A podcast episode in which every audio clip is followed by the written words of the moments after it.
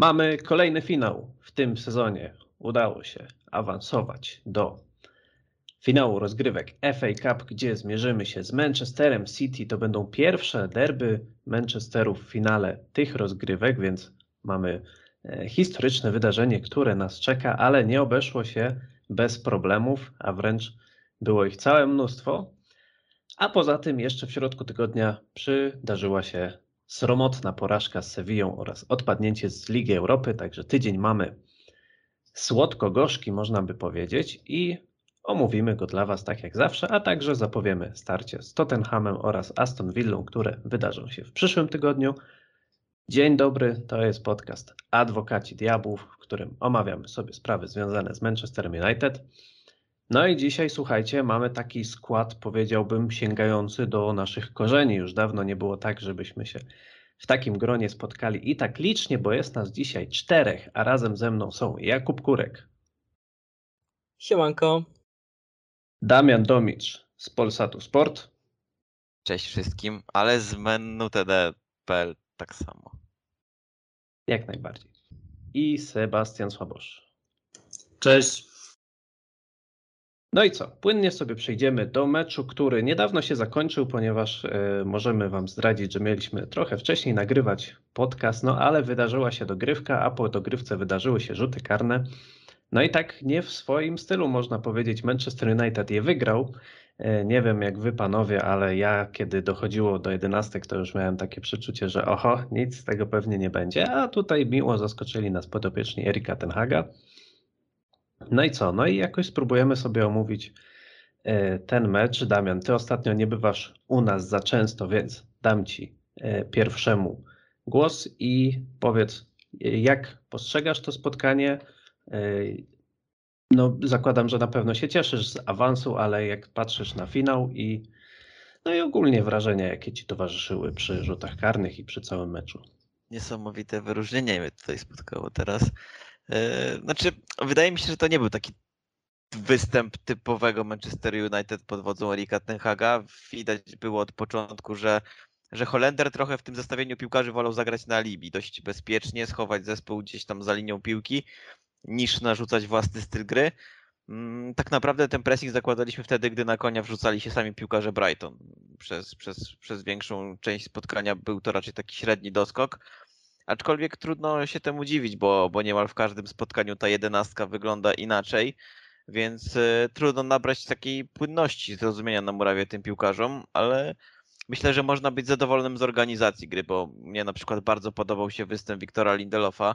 E, nie wydaje mi się, by przegrał choć jeden pojedynek w tym spotkaniu, a, a w dodatku miałem olbrzymią pewność, że, że wykorzysta tą ostatnią jedenastkę.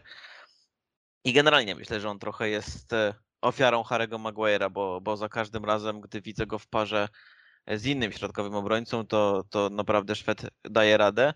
Mm, I czułem się dość bezpiecznie z nim i, i, i Lukiem Shawem i niech tak zostanie do końca sezonu, jeżeli nie wyleczy się Waran. Aczkolwiek nie czułem się bezpiecznie z drugą linią, bo, bo bardzo blado wypadł dzisiaj Eriksen. Był bardzo wolny, statyczny, 2-3 uwalniający podania to za mało, bo, bo był bardzo nieobecny w defensywie i śmiem trochę zaryzykować też tezę, że, że, że ten mecz wygrał nam Fred, bo swoim bieganiem, rozgrywaniem, ustawianiem i, i ta każda groźna akcja stworzona przez Manchester United w końcówce meczu i, i w dogrywce przechodziła właśnie przez niego. Mm. E, ze zmian podobała mi się na pewno też zmiana Malasi, który no, ma coś w sobie. Bardzo lubię tego piłkarza, popycha za każdym razem tę akcję do przodu, sprawia, że, że temu zespołowi gra się, gra się po prostu łatwiej. No już tak reasumując, no to bardzo ważne zwycięstwo, bo, e, bo finał będzie ostatnim meczem tego sezonu, a więc jest czas, żeby, żeby odbudować w jakiś sposób tę formę, odbudować trochę kadrę po tych kontuzjach. Mm, ale oglądając to spotkanie, myślę, że myślę, że Manchester City kibicował dzisiaj Manchesterowi United, bo, bo trochę widać, że, że zespół jedzie na oparach. Był taki fragment spotkania, w którym wszyscy oddychali rękawami i wszyscy bronili na własnej połowie stojąc. E, pewnie stąd też ta zmiana Bruno Fernandesza w dogrywce. No niestety to granie na, na wszystkich frontach do, do kwietnia i, i rozegranie najwięcej meczów w Europie musiało się kiedyś odbić i, i pewnie będzie to ta końcówka sezonu. Mm, trzeba liczyć, że, że tę czołową czwórkę uda się zapewnić dość wcześnie i, i ten hak po prostu pozwoli odpocząć kluczowym zawodnikom, bo, bo to może być rozstrzygające podczas finału. Wiadomo, że Manchester City też będzie miał swoje priorytety, dlatego być może dla dobra Manchester United może wypadałoby im trochę pokibicować w tym w meczu z Realem. Tak, no był to w ogóle bardzo wyrównany mecz, e, że tak tylko posłużę się statystykami w expected, goal, expected goals 1,35 e, dla Brighton i 1,26 dla Manchester United. E, posiadanie piłki, tutaj duża przewaga Brightonu, szczerze mówiąc nie odczułem tego aż tak, że to jest 61 do 39, ale w sumie faktycznie były takie etapy, kiedy to mewy częściej utrzymywały się przy futbolówce. Ale e, to, to spotkanie właśnie miało takie, takie dwie różne fazy, bo powiedzmy, że, że przez pierwszą część pierwszej połowy atakował Brighton, znowu końcówka należała do Manchester United i w drugiej połowie było w zasadzie tak samo. Tak samo było też w dogrywce, bo, bo w pierwszej połowie lepsze było Brighton, ale już końcówka, koniec tego meczu i druga połowa dogrywki należała do, do Manchesteru United i na szczęście rzuty karne też. Tak, no po 15 strzałów oddanych, 6 y, celnych Manchester United, 5 Brighton, no i więcej niecelnych miało y, Brighton.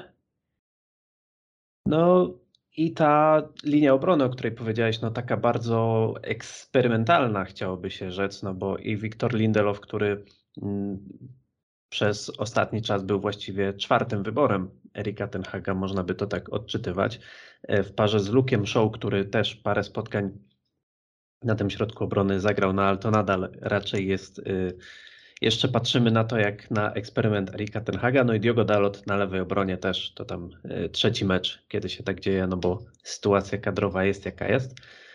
Y, no i faktycznie nawet solidnie spisała się ta ofensywa. Nie jestem pewien, czy Lindelof nie był w ogóle najlepszy na boisku, no bo kogoś z ofensywy to raczej trudno będzie wyróżnić, a w defensywie to faktycznie Szwed wybijał się pewnymi e, interwencjami. Do Harego Maguire'a jeszcze pewnie przejdziemy sobie przy meczu z Sewillą, bo na pewno dostanie tam burdę, także poproszę Cię Kuba, żebyś jeszcze się tutaj nie wywyższał, bo wiem, że na pewno będziesz to robił.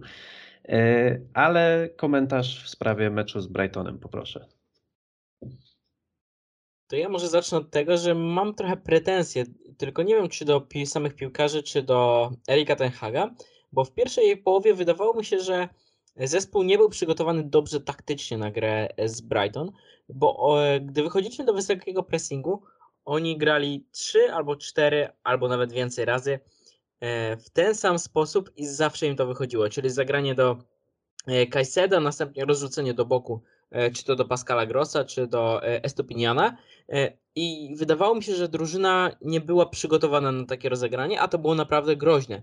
E, bo gdy presowaliśmy nawet piątką e, zawodników, e, to jedno takie zagranie do Kajsedo, który się obracał i zostawało tylko sześciu piłkarzy, aby się bronić. I miałem wrażenie, że to można taki kamyczek do ogródka trochę wrzucić Erikowi Tenhagowi i jego sztabowi, chociaż możliwe, że to piłkarze zawiedli w tym aspekcie. No i mnie trochę zaniepokoiło to, że Brighton na tle jakby się mogło wydawać Manchester United, e, grało aż tak dobrze. Mm, chociaż według e, bookmacherów to e, Brighton przed tym spotkaniem było nieznacznym, ale jednak faworytem. No i przede wszystkim tutaj za to spotkanie można pochwalić Dawida Dehe poniekąd, bo wydaje mi się, że są to dwie takie kluczowe interwencje, chociaż Sanchez również ten strzał Rashforda fenomenalnie obronił. No a jeśli kogoś mamy ganić, to Casemiro bo wydaje mi się, że po tym drugim zawieszeniu za czerwoną kartkę to nie jest ten sam piłkarz. Gra znacznie gorzej, zarówno w defensywie, jak i w rozegraniu. Nie wiem, co się z nim stało, ale miejmy nadzieję, że, że wróci do tej swojej optymalnej formy. No i również Marcus Rashford troszkę zawodzi po powrocie e, po kontuzji. E, może dajmy mu trochę więcej czasu, no ale to nie, nadal nie jest e, ten Rashford, którego pamiętamy z początku tego roku.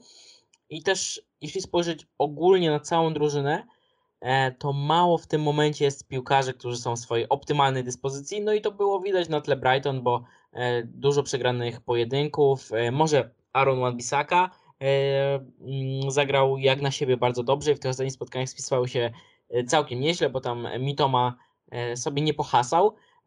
Można powiedzieć, że jeśli e, Aaron Wan-Bissaka ma przypisane jakieś zadanie w defensywie, pilnować konkretnego piłkarza, e, to się z tego dobrze wywiązuje. To jest jego zaleta jak najbardziej. E, W tym aspekcie jest jednym z najlepszych piłkarzy e, w Premier League, bo przecież ta statystyka wygranych pojedynków też e, ma najlepszą w całej lidze. E, No a oprócz niego i może Wiktora Lindelofa, to nie jestem w stanie wymienić piłkarza, który jest w tym momencie w swojej optymalnej dyspozycji. Tak jak wspomniał Damian, pewnie to mm, przez to zmęczenie, przez te wiele spotkań, które rozgrywa Manchester United, już z jednego frontu odpadliśmy, więc ten natłok może być trochę mniejszy tych spotkań i miejmy nadzieję, że no, na finał e, ta forma się poprawi, e, bo e, na Twitterze popełniłem e, taki wpis, że e, po tym meczu jedyne co wiemy to to, kto wygra e, Puchar Anglii i że będzie to Manchester City. E, No bo na ten moment nie widzę innego scenariusza po tym, co zaprezentował Manchester United, ale do tego czasu jest jeszcze miesiąc i miejmy nadzieję, że ekipa Erika Ten Haga wróci do tej swojej optymalnej dyspozycji. No, powiało tutaj pesymizmem, ale trudno się dziwić, bo faktycznie ta forma Czerwonych Diabłów y, po właściwie zwycięstwie y, notabene w Carabao Cup mocno faluje i, i często widzimy ich nie najlepsze występy. Y, I tak jak już tu wspominaliście, ja też to troszkę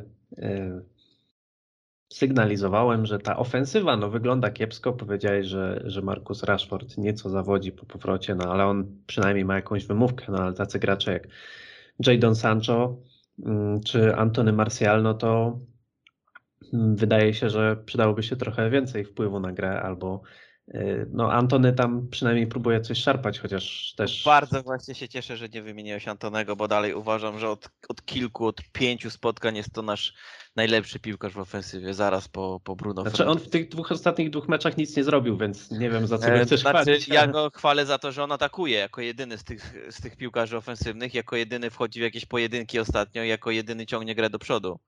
Bo w przypadku innych piłkarzy ofensywnych jest to raczej odgrywanie do boku, częste straty piłki w pojedynkach jeden na jeden i brak jakichkolwiek strzałów. A propos Antonego, to ja go wyróżniłem e, w naszych ocenach pomyczowych e, za spotkanie z Sevillą jako najlepszego zawodnika. Oczywiście ta ocena nie była zbyt wysoka. No i tu przede wszystkim pierwsza połowa była w miarę dobra w wykonaniu Antonego. No ja bym go nie chwalił za te mecze, to znaczy no był najlepszy z najsłabszych, tak bym chyba to określił i, i to tyle, no bo jakby konkretów ża- żadnych nie ma, no mówimy o dwóch meczach, w których Manchester United zdobył zero bramek, więc y, nie wypada tutaj chwalić graczy ofensywnych. Y, Sebastian, a ty co masz do dodania na temat spotkania z podobiecznymi Dezerbiego? No cóż, dużo już powiedzieliście i faktycznie e, było to spotkanie bardzo wyrównane. Wskazują na to i statystyki, i, no i sam przebieg meczu, jeżeli ktoś oglądał od e, początku do końca, e, to nawet rzuty karne na to wskazują, bo przecież obie drużyny wykonywały je e, naprawdę dobrze. Trochę przypominał się ten finał nieszczęsny z Ligi Europy z Villarreal, e, ale jak się okazuje, E, Mimo, że Dawid Decha w bramce, no to wiadomo, że przy rzutach karnych nie zawsze to dobrze wróży, bo Hiszpania jest w nich mm, e, ekspertem. E, No ale raz się widocznie wygrywa, raz się mu przegrywa, tym razem się udało wygrać.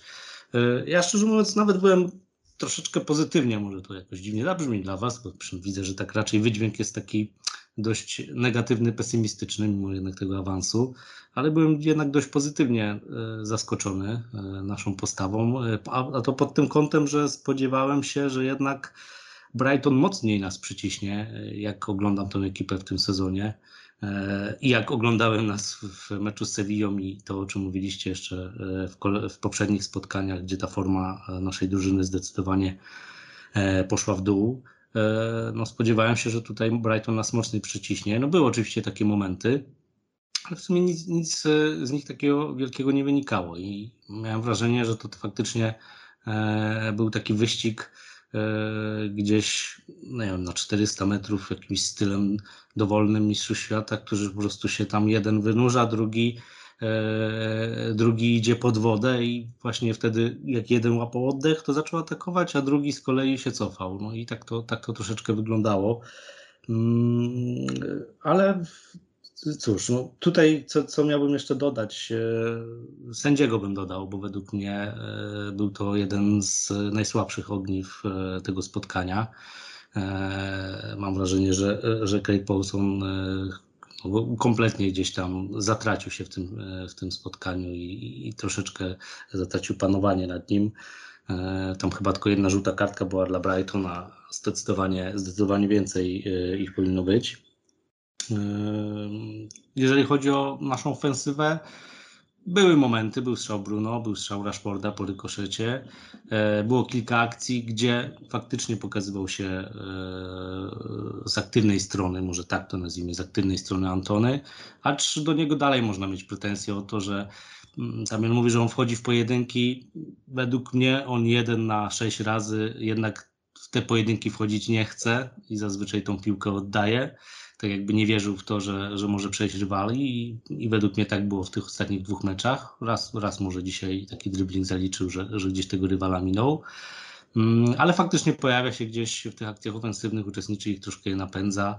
E, Wygląda to na pewno lepiej niż wyglądało wcześniej, ale kuleje decyzyjność. Tam, gdzie lepiej było oddać strzał, to, to gdzieś szuka jakiegoś dziwnego podania. Jak trzeba było zagrać gdzieś do Bruno, który wychodził na świetną pozycję, no to z kolei szukał, szukał strzału. No ale cóż, no. może, może z czasem, z czasem też to zrozumienie w drużynie po prostu też, e, też przyjdzie lepsze.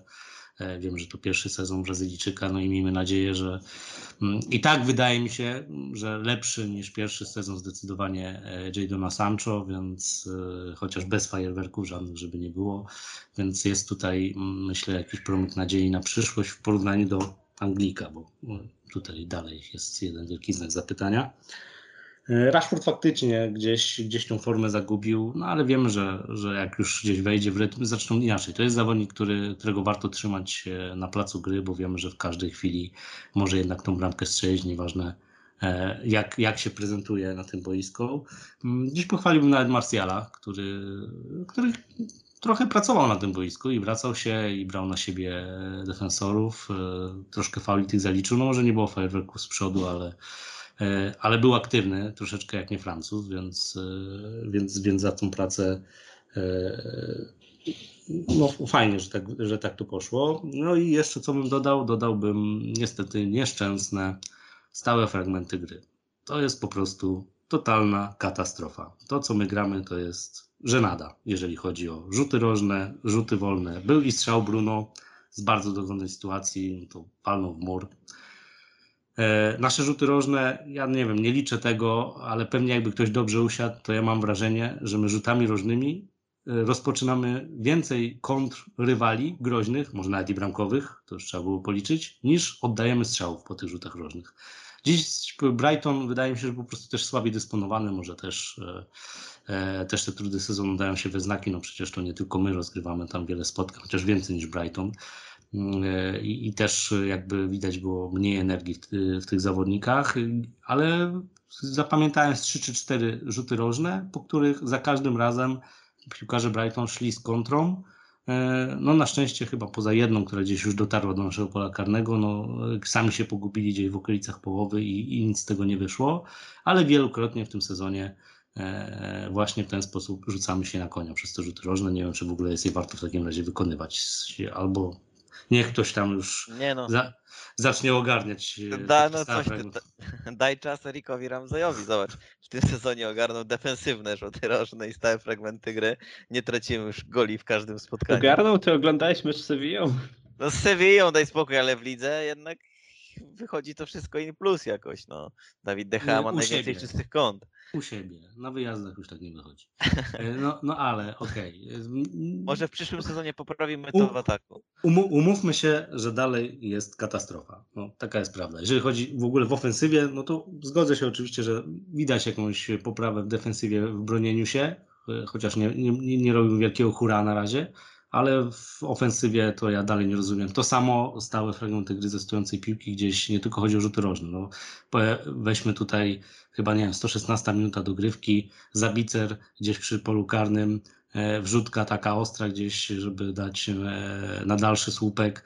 No nie wiem, co to było w ogóle, gdzie to poleciało, ale to, to chyba tylko Austriak wiedział, o co mu tam chodziło. No ale mniej więcej tak, to było podsumowanie mniej więcej naszych stałych fragmentów gry. W tym sezonie i nie tylko w tym sezonie, bo ja mam wrażenie, że to się ciągnie od e, Philów Jonesów wykonujących rzuty rożne za Van Hala i, i Moisa i wrzutek, bo to, o właśnie, bo to nie tylko e, rzuty, rzuty rożne, ale my też fatalnie w ogóle mm, wyglądamy, jeżeli chodzi o grę, jeżeli chcemy dośrodkowywać i tak szukać e, swoich piłkarzy w polu karnym. Oczywiście czasem Bruno zagra piłkę na nos, bądź inny piłkarz Casemiro, e, ale no, to są rzadkości. Zazwyczaj to jest zwalenie głową w mur, więc e, no, to, to, to jest ewidentnie do poprawy. Mm, Dzisiaj był wyrównany pojedynek, pokazały to też karne. e, Mógł wygrać każdy, no karne to loteria. Trzeba przyznać też, że jedenastki były naprawdę dobrze wykonywane. Ja tam nie widziałem jakiejś jedenastki naprawdę słabej. E, No, Zabicer tam był bliski, e, no nie tyle pudła, co, co, co Sanchez go prawie wyczuł, ale strzelił na tyle precyzyjnie i mocno, że, że przełamał rękę bramkarza, więc i tak mimo wszystko było ok. No więc tylko Solimarz tak naprawdę przestrzelił. No i tym razem to my możemy się cieszyć, e, cieszyć gdzieś z wygranych w rzutach karnych, co ostatnio nie było, nie było często no, jakąś naszą domeną. No ale tutaj faktycznie, biorąc pod uwagę naszą formę i, i to, jak zmęczeni jesteśmy sezonem, wykartkowani, e, przetrzebieni kontuzjami i tak dalej, i tak no to biorąc pod uwagę to, że mierzymy się z City, który jest w takiej formie, jakiej jest, jeszcze Arsenal wręcz nakręca tę drużynę swoimi ostatnimi wynikami, mm, no tutaj derby w finale no na pewno będzie bardzo ciężko. No ale cóż, mamy finał do rozegrania, cho- chociaż trzeba przyznać, że przed nagrywaniem tego podcastu mimo wszystko liczyliśmy, że to będzie mówić o dwóch finałach, więc no ale cóż, no. Chociaż tak, na, tak naprawdę w tym finale Pucharu Anglii Manchester United być może będzie mógł zadecydować o tym, czy, czy Manchester City zdobędzie potrójną koronę, czy nie. Bo też może być taka może sytuacja. tak być, może to być jakaś motywacja. Zresztą no, wydaje mi się, że to zawsze jest motywacja gra w derbach e, No jak przeciwko najbardziej. Manchesterowi, więc to, to Jak nie trzeba jej jakoś szukać, tylko no, no wiemy jaką mocą dysponuje City i wiemy jak, e, jak się rozkręca. No chyba, że coś tam po drodze i tej Lidze Mistrzów się powinie w lidze, no to wydaje mi się, że tu już, tu już Arsenal jest w gorszej sytuacji na ten moment, e, a oni poczuli powietrze.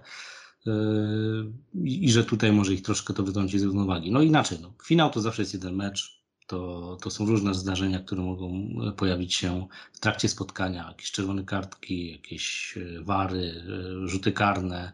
No wszystko to się może zdarzyć, dyspozycja dnia, tak, więc na straconej pozycji nie jesteśmy, no ale jak tutaj nawet mówimy przecież o tym, że Brighton było e, lekkim faworytem, faworyt, e, faworytem bookmacherów. Zresztą my też o tym mówiliśmy przed, e, w zeszłym tygodniu podczas podcastu, że też widzimy raczej Brighton po tym, jak grają tutaj z takim lekkim plusikiem, biorąc pod uwagę naszą formę i, i prezencję sportową. Mm, No tak tutaj zdecydowanym faworytem będzie Manchester City, no nie ma co ukrywać. No i też chciałbym zaznaczyć, jeśli była mowa o rzutach karnych, rolę Wołta Horsta, który tam zostawił pocałunek śmierci na piłce, którą miał wykonywać rzut karny e, Soli March. No i też nie wiem, czy widzieliście taką celebrację Wołta Horsta, który e, po tym e, decydującym karnym Wiktora Lindelofa przebiegł przez całe boisko aż po trybunę, pod trybunę, którą zajmowali kibice Manchester United i tam z nimi się cieszył, więc no gdzieś tam ten napastnik też zapisał się na kartach historii być może Manchester United. A przy kim najbardziej wam biło serce? Jadon Sancho.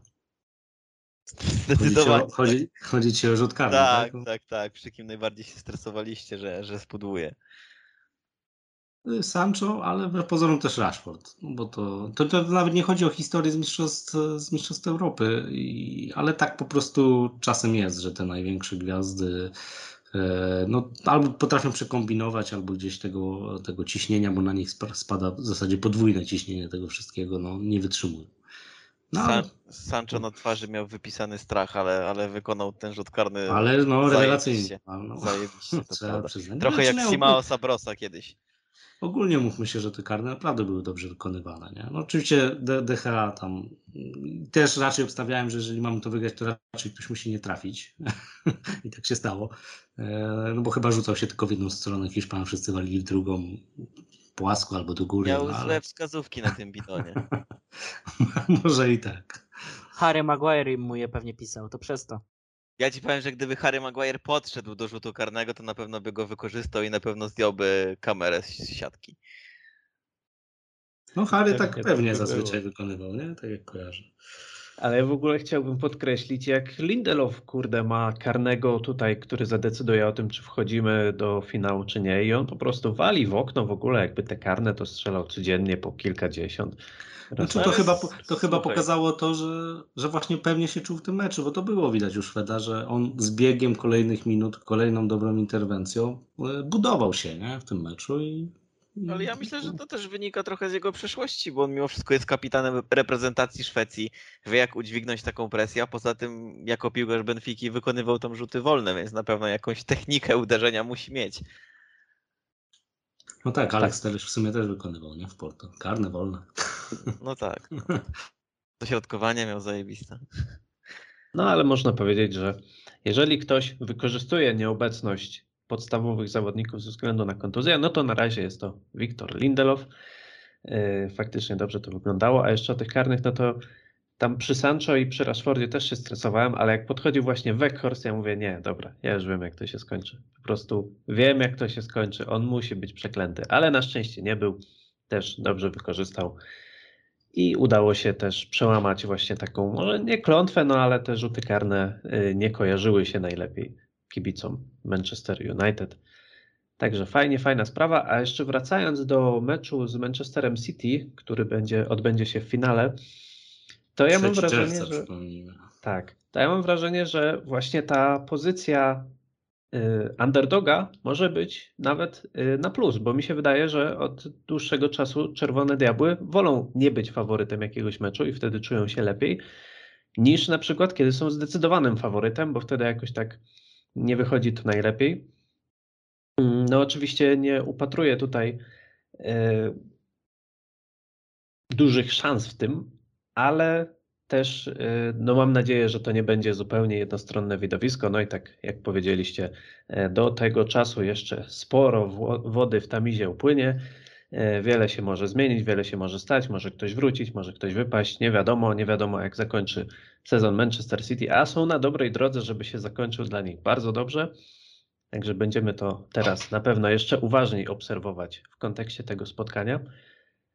No a propos bycia i niebycia faworytem, no to dużą sztukę osiągnął Manchester United, ponieważ w rozgrywkach Ligi Europy udało mu się wyeliminować Sevillę, udało mu się wyeliminować Real Betis.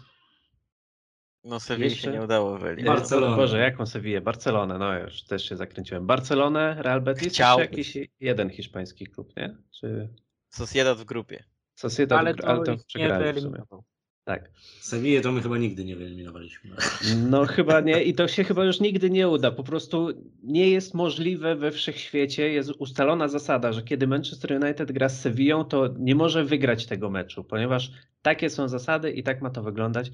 No bo to jest kuriozalne, jak oni odpadli, jak złe było to drugie spotkanie, jak zła była końcówka pierwszego spotkania. To jest po prostu coś, co wykracza poza same ramy sportu. To już jest jakaś abstrakcja, o tym by można książkę napisać. No ale mm, będziemy sobie to omawiać teraz. Będziemy mówić o meczu, który ma dwie twarze. Pierwszą twarzą jest Dawid De Gea, drugą twarzą jest Harry Maguire i są to twarze wykrzywione w smutku i niezadowoleniu po popisach, które sprezentowali nam obaj zawodnicy. No bo o ile Hiszpan tutaj, Kuba chyba go chwalił za mecz z Brightonem, zresztą no słusznie, bo tam parę interwencji mu się faktycznie udało, no to zdecydowanie parę zagrań mu się nie udało w meczu w środku tygodnia. E, 3-0 z Sevillą, fatalne błędy indywidualne e, zadecydowały o tym, że odpadamy z Ligi Europy z no de facto najsłabszą, najsłabszym hiszpańskim zespołem, z którym przyszło nam się mierzyć, ale oni mają jakiś patent na te rozgrywki. E, No i myślę, że to jest kolejny raz, kiedy dobrze, że omawiamy sobie takie spotkanie już po czasie. Tam parę dni minęło. Myślę, że jakiś dystans e, nabraliśmy. Możemy na spokojnie powiedzieć o tym, co nie zagrało, a co zagrało, czyli nie zagrało wszystko, a zagrało nic. No ale może spróbujemy się jakoś bardziej wgryźć w to i tutaj Kuba, tobie pierwszemu oddam głos, bo na pewno masz e, dużo do powiedzenia na temat pewnych występów. Tak, mam dużo do powiedzenia na temat przede wszystkim dwóch zawodników. E, Zacznę może od Dawida De Gea, tak na spokojnie. No i ja w tym podcaście wiele razy już mówiłem, że naszym priorytetem transferowym na lato e, obok prawego obrońcy i obok napastnika powinien być bramkarz. No i takie spotkania trochę udowadniają, że mam rację. No bo w tym spotkaniu z Sevillą Dawid De Gea zachowywał się troszkę jak taki e, bramkarz e, z niższej klasy rozgrywkowej, któremu kiedyś ktoś powiedział, że ma tylko e, stać na linii i odbijać piłkę i daleko wybijać, a potem wszedł jakiś nowy trener i kazał mu rozgrywać i on nie wie co się dzieje, kiedy dostaje piłkę, no bo ten trzeci gol, no to to już było jakieś kuriozum. Ja nie wiem, jak bramkarz na tym poziomie może tak się zachować. Oczywiście miał udział przy wszystkich tych trzech bramkach, e, no bo przy pierwszej zagrał do Harry'ego Maguire'a, mm, którego postawił w dość trudnej sytuacji, e, szczególnie jeśli e, zna umiejętności swojego kolegi z defensywy. Przy drugim, no to ta piłka odbiła się gdzieś tam od ramienia zawodnika Sewilli i leciała bardzo, bardzo długo, a De Gea dał się przelobować z 6 metrów. No, czegoś takiego, no to ja już dawno nie widziałem w wykonaniu mm, Dawida De Gei. No i jak sobie spojrzymy na mm, jego występy, no to nie można powiedzieć, że Dawid De Gea gra bardzo słaby sezon. Nawet nie można powiedzieć, że gra słaby sezon, bo w wielu spotkaniach nas ratował. Tylko według mnie tutaj kwestia do rozważenia jest taka, e, czy ta drużyna więcej nie zyska, mając nawet gorszego bramkarza na linii, ale grającego lepiej nogami, no bo Dawid De Gea udowadnia e, po raz kolejny, że do tej układanki e, Erika Ten Haga się nie nadaje i kiedy on ma piłkę, a szczególnie gdy jeszcze na boisku jest Harry Maguire, no to tego się nie da oglądać, naprawdę. No a przechodząc już do Anglika, e, no to mówiliście ostatnio, że, że to jest solidny zmiennik, e, że można na nim opierać grę, kiedy nie ma podstawowej pary środkowych obrońców. No trochę się tam pokłóciliśmy, no i nie wiem, czy dzisiaj dalej będziemy się kłócić, no ale według mnie te ostatnie dwa spotkania pokazały, jak wielka jest różnica między dobrym, solidnym zmiennikiem, Wiktorem Lindelofem, a Harrym Maguirem, który tym solidnym zmiennikiem nie jest i najprawdopodobniej już nigdy nie będzie. Szczególnie kiedy popełnił taki błąd przy pierwszym golu. Yy, Owszem, miał trudną sytuację, ale w kolejnych minutach pokazał, że raczej sobie z tym błędem nie poradził i był yy, nadal bardzo, bardzo elektryczny, yy, co pokazuje, że no nie możemy mieć takiego kapitana i, i takiego piłkarza e, w kadrze, który nie radzi sobie e, kiedy ma zagrać ważny mecz, no bo to był dla Manchester United ważny mecz o awans do półfinału. E, Szczególnie, że w poprzednim spotkaniu strzelił sobie samobuja, dość pechowego. E, No ale dwie takie sytuacje, które zaważyły na tym, na tym dwumeczu. Nie chcę też zwalać e, całej odpowiedzialności na tą, na tą dwójkę, no ale kiedy popełnia się takie błędy, e, no to oczywiste jest, że ciężko jest wygrać e, takie spotkanie, gdzie są trzy błędy indywidualne, tak oczywiste, e, prowadzące do utraty bramki. No i skrytykuję również Marcela Sabicera, bo według mnie przez większość czasu grał jak statysta. Miał chyba tylko niecałe 60% celności podań, przy czym tych podań miał też bardzo, bardzo, bardzo mało. E, No to był jeden z najgorszych meczów Austriaka w Manchester United, jakie widzieliśmy. E, Troszkę nie udało mu się zastąpić e, Bruno Fernandesza w tym spotkaniu. No i też widzieliśmy, ile znaczy Bruno Fernandes dla tej drużyny. I nawet jeśli nie jest w tej swojej odpowiedniej, idealnej formie, to w meczu z Brighton stanowi zagrożenie dla bramki rywala i według mnie nawet mógł, a może nawet powinien mieć gola w tamtym spotkaniu. No więc też trzeba się zastanowić, czy ten Marcel Sabitzer na przyszły, na przyszły sezon powinien zostać w kadrze Manchester United. Pewnie dużo będzie zależało od e, kwoty jego wykupu. Jeśli będzie wystarczająco niska, no to, no to władze zdecydują się na jego, e, na jego wykupienie. No, ale musi pokazać e, trochę więcej w barwach Manchester United, no bo w to spotkanie z Sevillą było w jego wykonaniu naprawdę, naprawdę słabe. Mnie szczerze mówiąc nie przekonuje za bardzo Sabicer. To jest taki gość momentów. On ma chwilę, kiedy wygląda nieźle, odda jakiś strzał, strzeli bramkę, fajnie, ale mam wrażenie, że jego w ogóle nie ma pod grą. Że on, jeżeli właśnie nie ma okazji do tego, żeby mm, wziąć udział w takiej akcji, w sensie jakoś ją wykończyć, czy to asystą, czy e, golem, to on jest przez całą resztę dosyć bezużyteczny. No a w przypadku pomocnika to jest troszkę jednak problematyczne, no bo wydaje się, że on powinien trochę pomóc w rozegraniu, dać jakąś opcję do podania. Także mnie osobiście Austriak jakoś nie kupuje. E, I też mam zarzut, który ty, Kuba, chyba e, podjąłeś w, przy poprzednim spotkaniu, czyli środek pola. No, ja myślałem, że jak wróci Casemiro, wróci Christian Eriksen, czyli ta de facto podstawowa dwójka, no to troszkę będzie to lepiej wyglądać, trochę to będzie lepiej grać, nawet pomimo nieobecności na innych pozycjach. A ja mam wrażenie, że my w, właściwie w obu spotkaniach przegrywamy w środku pola i to tak, y, no y, poważnie i, i to jest całkiem spory problem. No są tu pewnie mm, jakieś możliwe wytłumaczenia, no brak rytmu gry w przypadku obu graczy, bo wiemy, że y, sporo spotkań opuścili, czy to przez zawieszenie, czy to przez kontuzję, no zwłaszcza Eriksen w tym wypadku, więc nie ma co tutaj tak też na Duńczyka się jakoś uwziąć. No ale na razie nie wygląda to najlepiej. Sebastian, może teraz ty coś powiesz o Sewilli. Ech.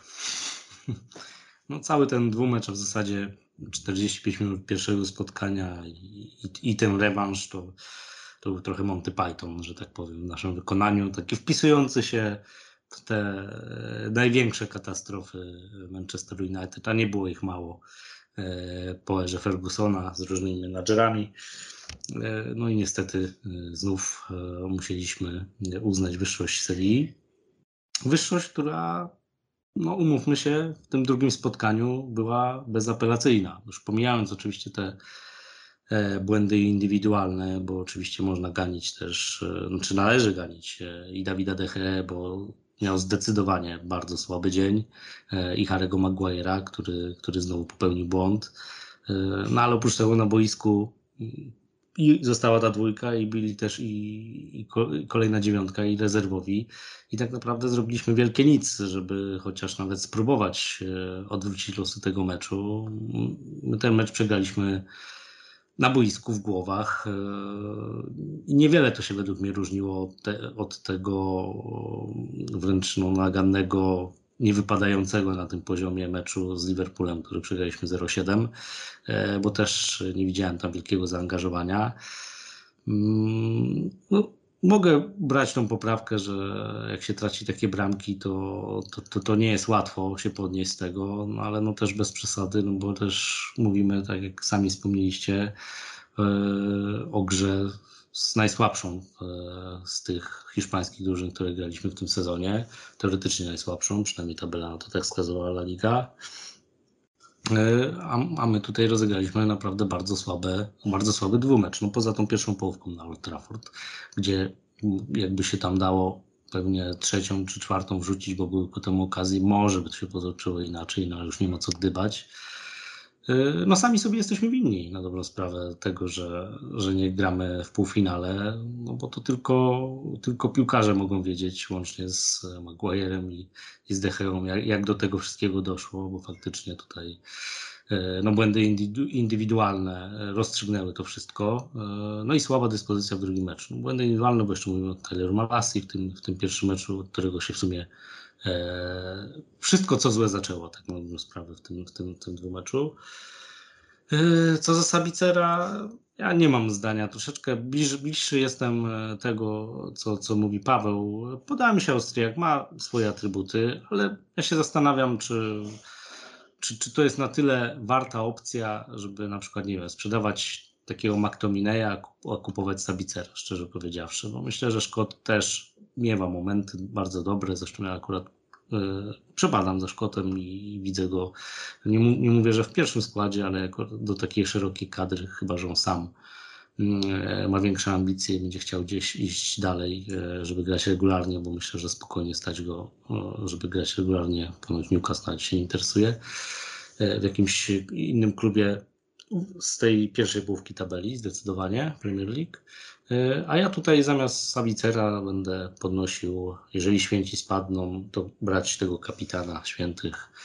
E, oprócz tego, że i zna Premier League i, dobrze się prezentuje, e, to, to i może troszeczkę w cudzysłowie w golfa pogra, bo wiemy jaką cieszynkę ma WordPress, a więc i, i może jakieś rzuty rożne się uda e, też dostarczać i, i z rzutów wolnych może coś powpada, więc, więc to byłby mój faworyt e, w tym kontekście. Więcej chyba już nie ma co dodawać, bo, bo tak, jak, tak jak Paweł mówiłeś, no, na szczęście emocje opadły, pewnie więcej byśmy tutaj porzucali różnymi e, epitetami, a, ale chyba, chyba nie ma sensu. No, piłkarze zaprezentowali się naprawdę fatalnie, zresztą to też Erik Ten Hag też tego nie ukrywał. E, widać, że i forma, i forma jest słaba, i, i sportowa, i tam gdzieś też ta mentalna, więc e, no, miejmy nadzieję, że tam dociągniemy do, do, do, tą czwórkę do końca sezonu, a myślę, że jest na to bardzo duża szansa, biorąc pod uwagę, jak się prezentuje Tottenham i jaką mamy przewagę, więc to już znowu kolejna katastrofa musiałaby się stać, taka jak e, Dobra, Andalus. O tym sobie jeszcze pomówimy. A jeszcze zostając przy tej Sewilli, no bo już zamknijmy ten temat. Nie udało się, to się nie udało. E, No ale jeszcze tutaj Damianowi należy się czas, żeby jakoś skomentować to spotkanie. Nie wiem, czy masz jeszcze jakieś e, przemyślenia o tym Ja, blamarzu. muszę, ja się muszę przyznać tutaj, że, że oglądałem tylko pierwszą połowę, bo po prostu więcej nie dałem rady. I to nie z jakiegoś braku czasu, tylko po prostu nie mogłem już na to patrzeć. Mm, Dla mnie to takie spotkanie, które trzeba wrzucić do worka z Liverpoolem, Newcastle, tym pierwszym meczem z Manchesterem City i Brentfordem na początku sezonu. Myślę, że najlepiej to spotkanie wyjaśnił na konferencji prasowej Erik Ten Hag, który jasno dał do zrozumienia, że, że piłkarze nie dali z siebie wszystkiego. I to coś, co, co będzie doskwierało tej drużynie, jeżeli nie pozbędzie się tych zgniłych jabłek e, piłkarzy, którzy nie mają mentalu, by grać w takim klubie, bo po prostu zjada ich presja. Przecież e, słowa Holendra wyraźnie wskazują, że, że jego piłkarze sami w sposób frajerski przegrali ten dwumecz. I, ja jak najszybciej chcę zapomnieć o tym pierwszym spotkaniu, ale w drugim to była gra na stojąco, gra niechlujna, niedbała. Przecież Maguire po tym swoim błędzie na twarzy miał wypisany cały hejt, który wylał się na niego w internecie. Nie jest to piłkarz, któremu ufam, nie jest to piłkarz, któremu kiedykolwiek jeszcze zaufam i nie jest to człowiek, który jako kapitan jest w stanie na tyle zmotywować piłkarzy, wstrząsnąć nimi na boisku, by popchnąć ich ku lepszej grze. Mm, Oni się jakby po prostu wystraszyli tej porażki po tym jego błędzie i po stracie pierwszego gola i tak ich to moim zdaniem sparaliżowało, że nie byli w stanie nic zrobić przez 90 minut. I pewnie swoje zrobił też brak Bruno Fernandesza, niestety kontuzja Markusa Rashforda, bo tak jak wspominaliście wcześniej, widać, że coś mu nad- nadal doskwiera. Mm, Trochę, trochę też się tego obawiałem, że, że być może będziemy go tak bardzo potrzebować, że on wróci przedwcześnie i być może, e, być może on nie zaleczył tej kontuzji pachwiny w pełni. E, Chciałbym się mylić, no ale w tym meczu z Brighton oczywiście też nie wyglądał dobrze. Natomiast muszę powiedzieć, że, że to odpadnięcie z Ligi Europy jakoś, jakoś bardzo mi nie doskwiera. Nastawiałem się, że w sumie to i tak pewnie przegramy doświadczeniem z Juventusem.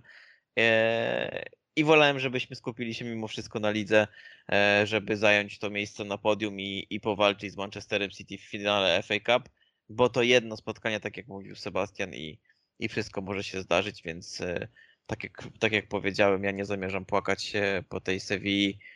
E, Dla mnie w tym sezonie najważniejsza od, od samego początku była, była liga i, i, i powrót do, do elity w kraju, a, a, a za rok może jakaś fajna przygoda w Lidze Mistrzów.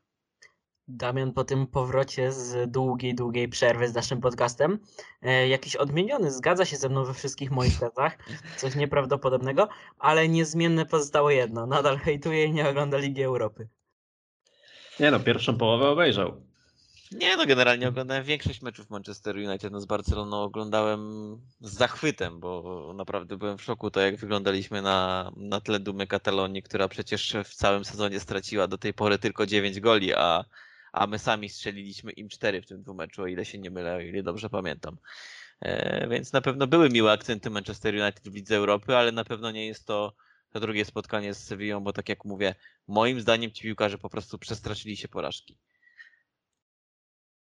Nie no, no widać to było. Ja myślę, przynajmniej ja tak mam, ale myślę, że wielu kibiców podziela moją opinię, że samo odpadnięcie z Ligi Europy to nie jest jakiś wielki problem. No, raczej górowało takie założenie, że no dobra, jak już tak gramy, jak już tam gramy, no to grajmy, może się wygrać, uda, ale jak się nie wygra, no to to zdecydowanie ma najniższy priorytet, jeśli chodzi o rozgrywki.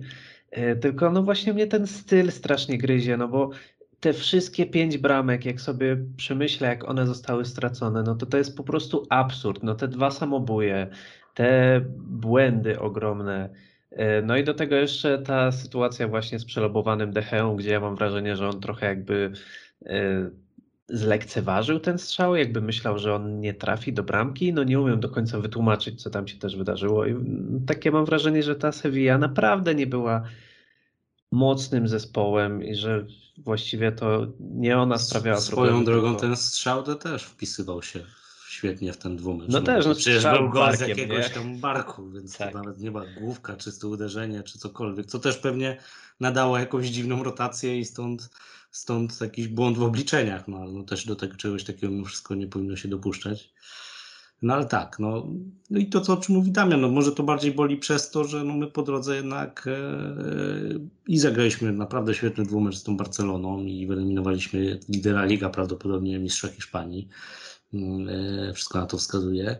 E, I, i bardzo dobrze gdzieś tam e, rozegraliśmy to, to spotkanie też rewanżowo bodajże z Betisem, no a tu przyszedł taki klops, że no, nie do poznania drużyna totalnie. Nie? Tak w zasadzie powrót tych największych i wszystkich demonów, które gdzieś do szafy wydaje się w pewnym momencie już upchnął, e, upchnął Erik ten Hag, e, ale jak się okazuje zapomniał chyba po prostu zamknąć to na klucz i, i raz na jakiś czas e, wyłażą tam jeszcze. Dobra, myślę, że zamykamy ten temat. Yy, Chociaż nie, jeszcze jedna rzecz a propos Maguire'a, bo muszę się tu odnieść, bo zadaliśmy Wam pytanie a propos naszej dyskusji z poprzedniego odcinka i może nie będę przytaczał konkretnych yy, wypowiedzi. No myślę, że pogodziliście nas, tak? Część yy, jakoś. Część z Was uważała, że bardziej rację mieliśmy ja i Sebastian, część uważała, że Kuba, no ale generalnie jakbym miał taki konsensus powiedzieć, to myślę, że wszyscy się zgadzamy co do tego, że e, Harry Maguire no na pewno nie nadaje się na podstawowego obrońcę, na pewno nie nadaje się na kapitana i najprawdopodobniej powinien po prostu odejść stąd latem i to już, no już nie tylko dlatego, że e, słabo gra, ale że po prostu chyba nie służy mu to miejsce, że już tu się nagromadził e, tak, tak dużo negatywnych emocji wokół niego, że nie wiem, czy to można w ogóle odkręcić i chyba lepiej mm, jakiś świeży start sobie w innym zespole e, tutaj zapewnić, a też klub e, powinien pójść dalej, znaleźć jakiegoś innego obrońcę, który będzie e, próbował przebić się do pierwszego składu i, i wydaje mi się, że ostatecznie no nie będzie to historia, która zapisze się w naszej pamięci, albo raczej niezbyt pozytywnie, no raczej będziemy wspominać, że to był po prostu nieudany transfer i tyle. Zamykamy mecz z Sevillą, lecimy dalej.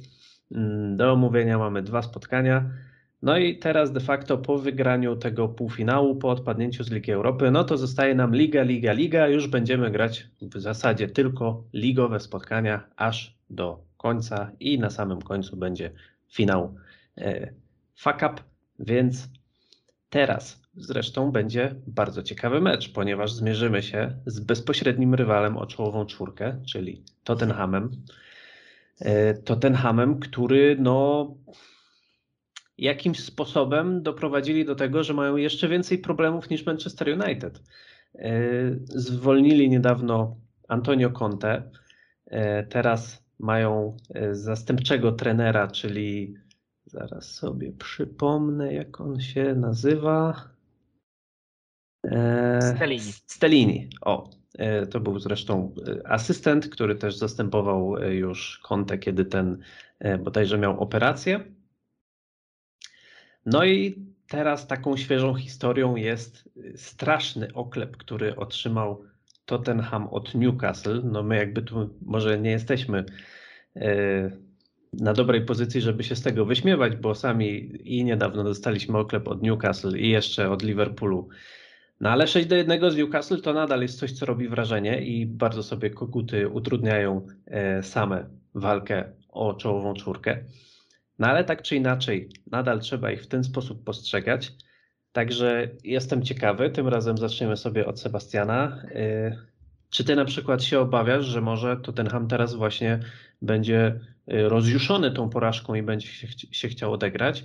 Czy bardziej ci się wydaje, że po prostu trzeba kuć żelazo póki gorące i tłuc koguty póki są słabe? No, raczej to druga opcja. No, sam pod, podkreśliłeś, w jakiej są sytuacji, czyli w sumie grają z tymczasowym trenerem i też nie wychodzi im to najlepiej. No dzisiaj 6-1 z- 1 do 6 w zasadzie z Newcastle, e, no to, to w ogóle z- zmietli ich z planszy, no bo tam z tego co kojarzę, to po 20 minutach było już 5, 0 do 5. E, nie wiem, czy to nie jest jakiś w ogóle rekord e, Premier League od początku, żeby stracić 5 bramek już e, w tak krótkim czasie od, od pierwszego gwizdka. Mm, No później, później dokonał linii jednej zmiany, widziałem i, i gdzieś tam troszeczkę się to poukładało i już tylko 1-1 było, od, zszedł Sanchez bodajże w obronie. No i cóż, no, jesteśmy na pewno w dużo lepszej sytuacji. Po pierwsze mamy dwa mecze rozegrane mniej, a po drugie mamy przy tym 6 punktów więcej, więc myślę, że jeżeli nawet nie tyle, że wygramy, ale jak wygramy, no to tym bardziej z, z Tottenhamem, no to tutaj chyba historia już się zakończy, jeżeli chodzi o, o to, czy Tottenham będzie w stanie nam zagrozić.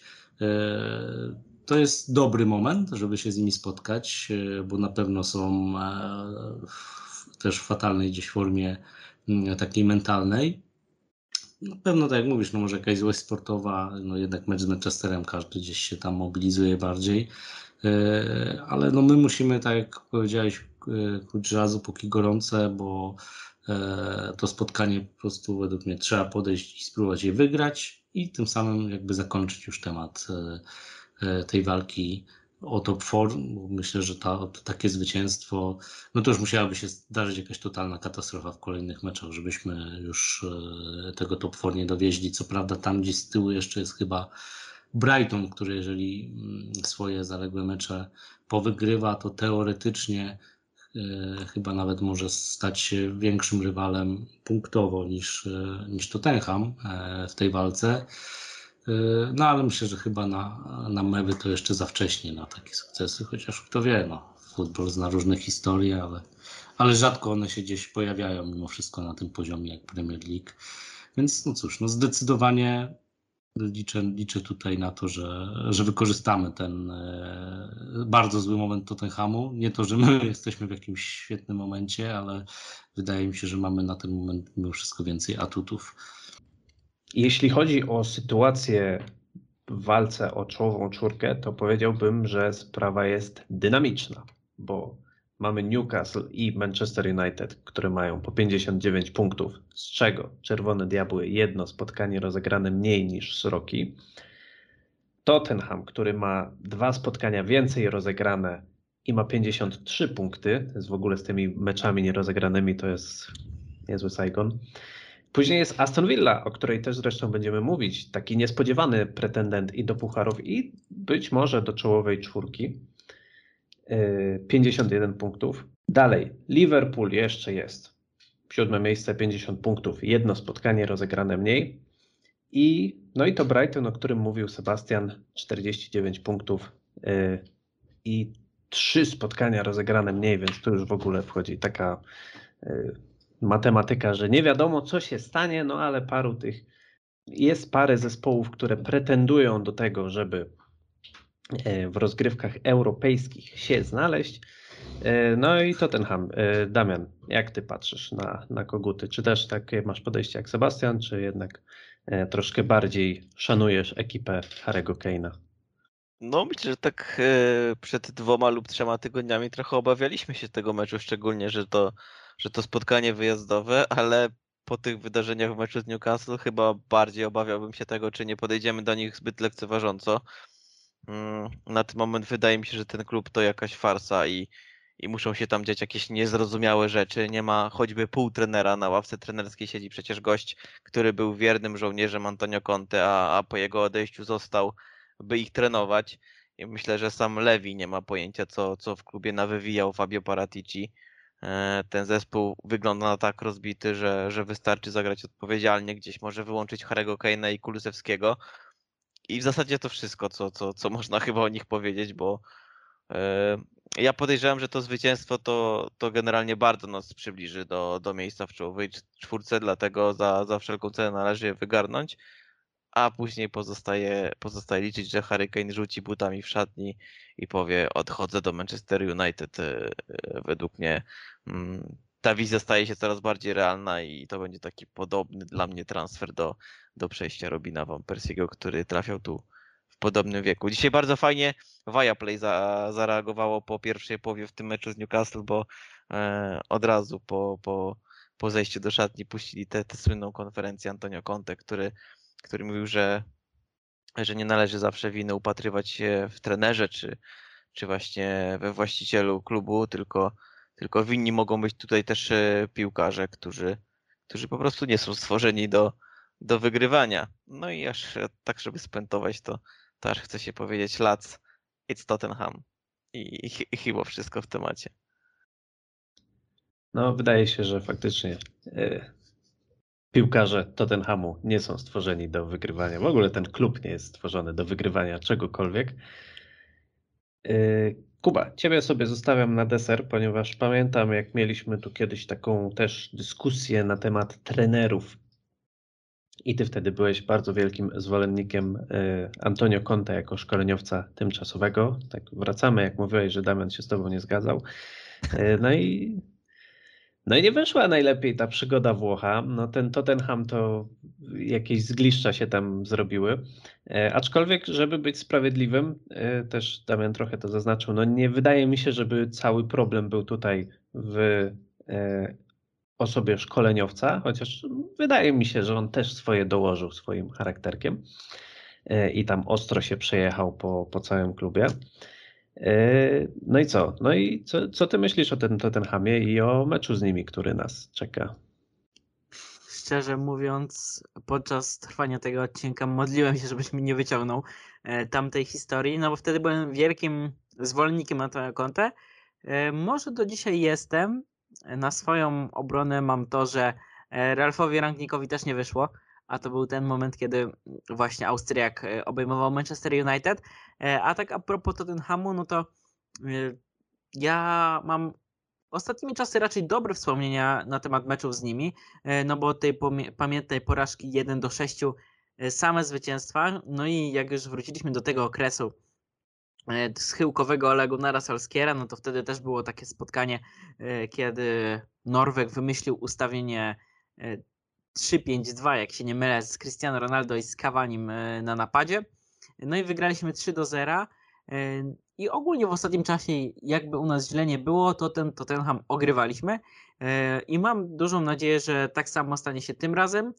No i mamy sporo szczęścia, że i Liverpool, i Tottenham gdzieś w tej E, ostatniej fazie sezonu nie dojechali i że to wygląda u nich e, w taki sposób, no bo z naszą formą nie aż tak trudno było wypaść e, poza top 4, no ale na szczęście rywale nam trochę pomogli i wydaje się, że dość spokojnie możemy na tym trzecim, czwartym miejscu tak już siłą rozpędu dojechać na koniec sezonu.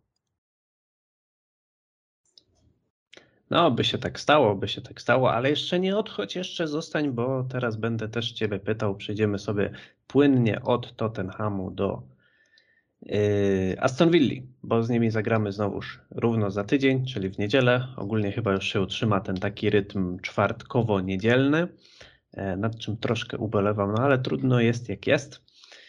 E, Aston Villa, która wyrosła na właśnie, tak jak już mówiłem, niespodziewanego faworyta. Może nie na, e, Boże, faworyta. No nie na faworyta, ale na e, zespół, który też walczy o te puchary i może nawet o Ligę Mistrzów, chociaż tutaj myślę, że bardzo dużo rzeczy by się musiało ułożyć dla nich pozytywnie, żeby tak się stało. No ale Liga Europy jak najbardziej, czemu nie? Odpowiadam. Także Kuba, E, jak za to patrzysz na mecz z Aston Villą, który rozegramy na Old Trafford, to jest jakiś e, pozytyw, no ale jednak groźna jest ta Villa ostatnimi czasy. E, oczywiście, że jest groźna i sytuacja tam nieco przypomina mi ten mecz z Brighton, który mieliśmy, który oglądaliśmy w niedzielę, czyli dzisiaj jak nagrywamy ten odcinek, no bo obie te drużyny są, w, czy były e, w bardzo dobrej formie, bo jeśli popatrzymy na Devilans, to to ostatnia porażka e, 18 lutego i to jeszcze było spotkanie z Arsenalem, a jak wiemy w tym sezonie e, z Arsenalem przegrać to nie wstyd. No i od tego czasu tylko dwa remisy i same zwycięstwa. No na rozkładówce mieli m.in. e, Chelsea czy Newcastle, e, więc e, to może być bardzo groźny rywal, który jest w bardzo dobrej formie. W odróżnieniu od nas i też na pewno mniej zmęczony trudami tego sezonu, więc tego spotkania no, obawiam się bardziej niż, niż starcie z Tottenhamem, chociaż być może pozycja w tabeli na to nie wskazuje, ale ta Aston Villa też nie ma dużej straty do Tottenhamu, bo na ten moment to są dwa punkty, więc może się tam zakręcą w okolicach właśnie tego piątego miejsca, a piąte miejsce daje awans do, e, do Ligi Europy. Więc w przyszłym sezonie Aston Villa w Lidze Europy ciekawie będzie zobaczyć na pewno. Tak jest. E, Sebastian, a ty masz jakieś przemyślenia na temat e, podopiecznych Unai Emery'ego? Czy myślisz, że to będzie taki mecz z Brighton, czy większego faworyta upatrujesz w Manchesterze? E, No cóż, odkąd Unai Emery przejął Aston no to ewidentnie e, obrócił sytuację klubu o 180 stopni. Tam z tego co kojarzę, to jest chyba 8 czy 7 zwycięstw w ostatnich 10 meczach ligowych, więc stąd taka wysoka e, pozycja w lidze. No po pierwsze Aston Villa ma o co walczyć e, realnie, więc na pewno, na pewno się postawi. Po drugie, e, jak mnie pamięć nie myli, to my właśnie chyba mieliśmy przy- nieprzyjemność, bo tak wynikałoby po końcowym wyniku, e, rozgrywać ten mecz premierowy Unai Emery'ego, e, który przegraliśmy bodajże 1 do 3. Mm, Więc już, e, już Unai Emery znalazł w bardzo krótkim czasie ten sposób na, na Manchester United.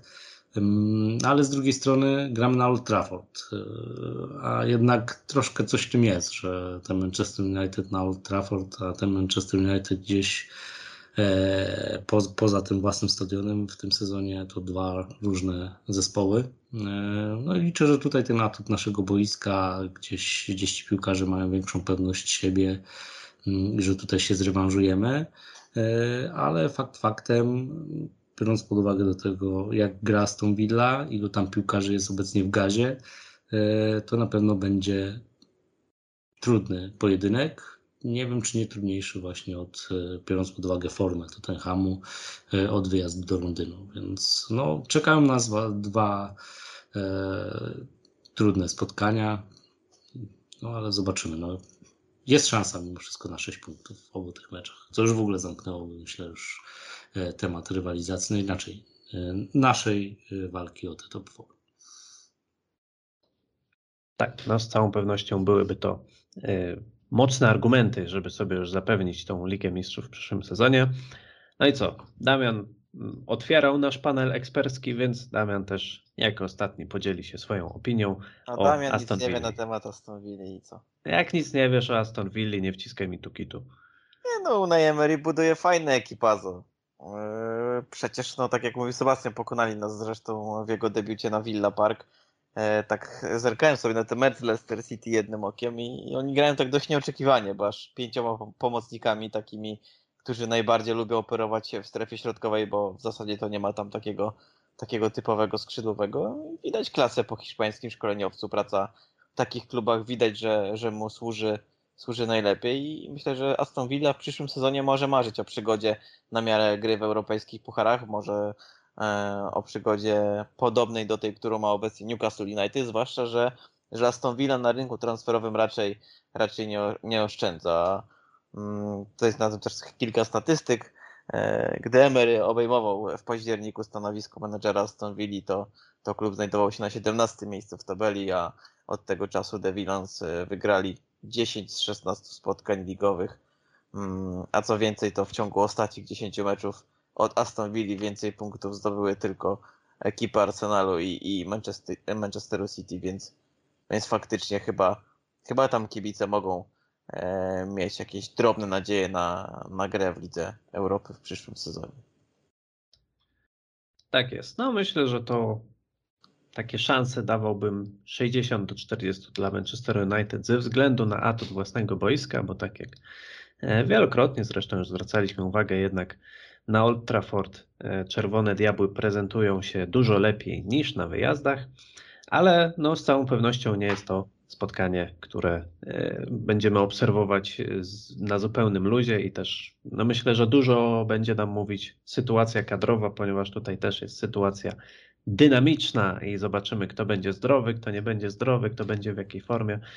Może się nieco obudzą ci, którzy po- powracali po e, kontuzjach i po zawieszeniach.